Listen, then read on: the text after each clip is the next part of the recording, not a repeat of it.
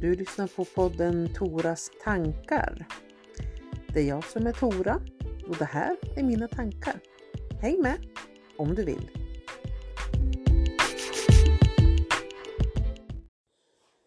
Jag tror att du precis som jag då och då har gått tillbaka i din egen historia till beslut du har tagit eller situationer som du har varit i och tänkt varför gjorde jag så? Varför sa jag inte det? Man grämer sig. Man ångrar. Och man förbannar. Och man lägger skuld på sig själv. Och man önskar man kunde spola tillbaka tiden. Och det kan man inte. Men det här avsnittet kan du lyssna på hur många gånger du vill. Om du vill. Jag är tacksam att du lyssnar nu. Men vi ska prata lite om det här att gräma sig. Jag vet inte om det är dialektalt eller om det är ett ord, men vi pratar om det.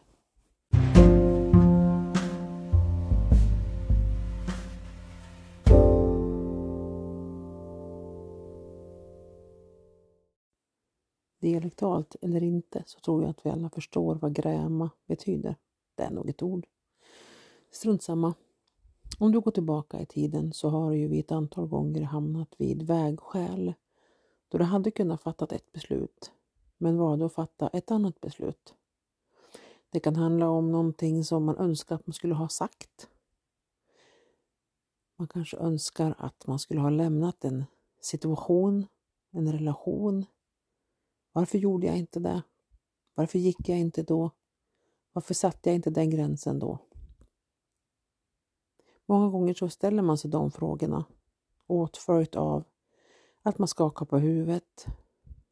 Man förbannar sig själv och menar att den situationen där jag fattade det beslutet för länge sedan ligger till grund för att jag är där jag är idag.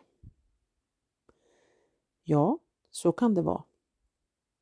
Det kan ju såklart vara så att om du hade fattat ett annat beslut bakåt i tiden så hade ju din nutid varit annorlunda.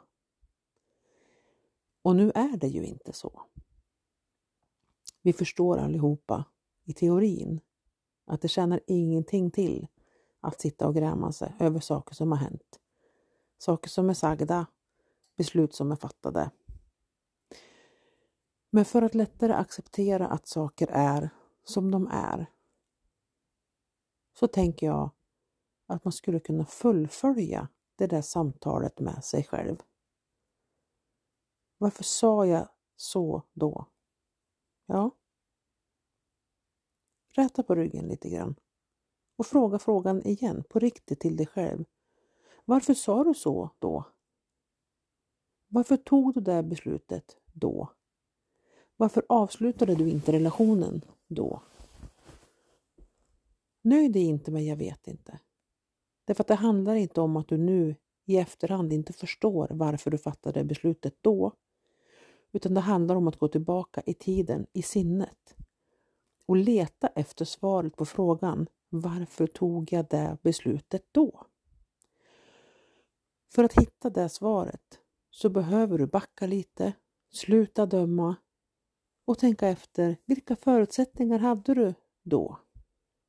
Det är inte rättvist att titta på sitt historiska jag, sitt lilla jag, sitt yngre jag och döma utifrån de erfarenheter och den visdom jag har fått i den ålder och i den tid jag är nu. Det finns ett svar på frågan varför du gjorde som du gjorde. Gå tillbaks i tiden, ta dig själv i handen och titta. Förmodligen så gjorde du som du gjorde för att du där och då trodde att utfallet skulle bli ett annat. Du trodde förmodligen att det här valet skulle göra att den uppkomna problematiken skulle lindras eller kanske försvinna. Sen kan andra saker ha hänt, inom eller utom din kontroll, som gjorde att det inte blev så. Men svaret på frågan är lika fullt att du trodde att någonting skulle bli bättre. Svaret på frågan kan också vara att du inte vågade göra det andra. Du var rädd, osäker och ibland också naiv. Men att titta på vad det faktiskt var då, utan att värdera dig, utan att värdera situationen. Utan bara liksom tända lampan och titta vad som hände.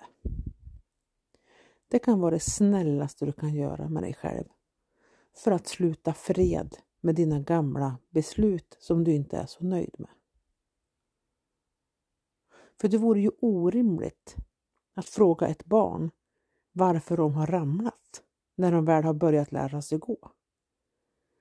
Det finns inga garantier för att jag i varje given stund där jag egentligen borde känna till förutsättningarna kommer att fatta ett beslut som är 100% hållbart i stunden och all evig tid framåt. Saker förändras, önskningar förändras, behov förändras och intressen förändras. Och det behöver man ha respekt för. Precis som på samma sätt som människor byter partner, jobb, hus, tankar, värderingar, intressen.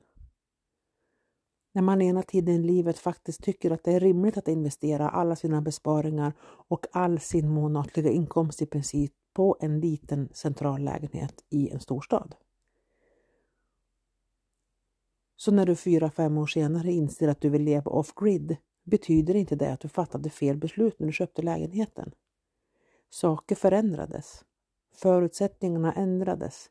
Ditt intresse byttes. Du kanske har träffat människor som du inte kände innan som har inspirerat dig till något annat eller skrämt bort dig från det du trodde att du ville ha.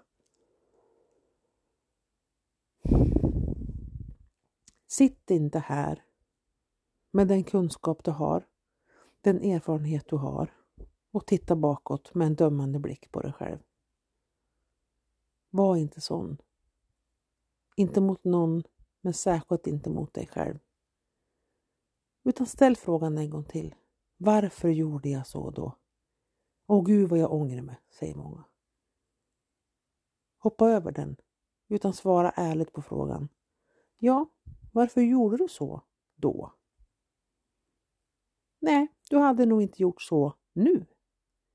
Men det är där det är. Var snäll med dig själv. Tusen tack för att du tog dig tid att lyssna en liten stund på mina tankar. Det är jag som är Tora och det här är mina tankar. Lite slumpmässigt lägger jag ut ett avsnitt då och då utifrån vad jag har tänkt på och som har dykt upp min väg. Om du gillar det du hör får du jättegärna dela den här sidan. Gillar du det inte, ja, då hoppas jag att du är nöjd med det du hittade istället. Det är helt okej. Okay. Syftet med min lilla mikropodd här det är att du ska få låna mina tankar lite. Kanske hittar du någonting som du vill använda dig av. Eller så hittar du att det jag säger är helt åt fanders och det du hade var bättre. Det finns ingen förlust i något av de alternativen, som jag ser det. Men jag vill tacka för ditt sällskap. Det betyder mycket för mig. Du är värdefull.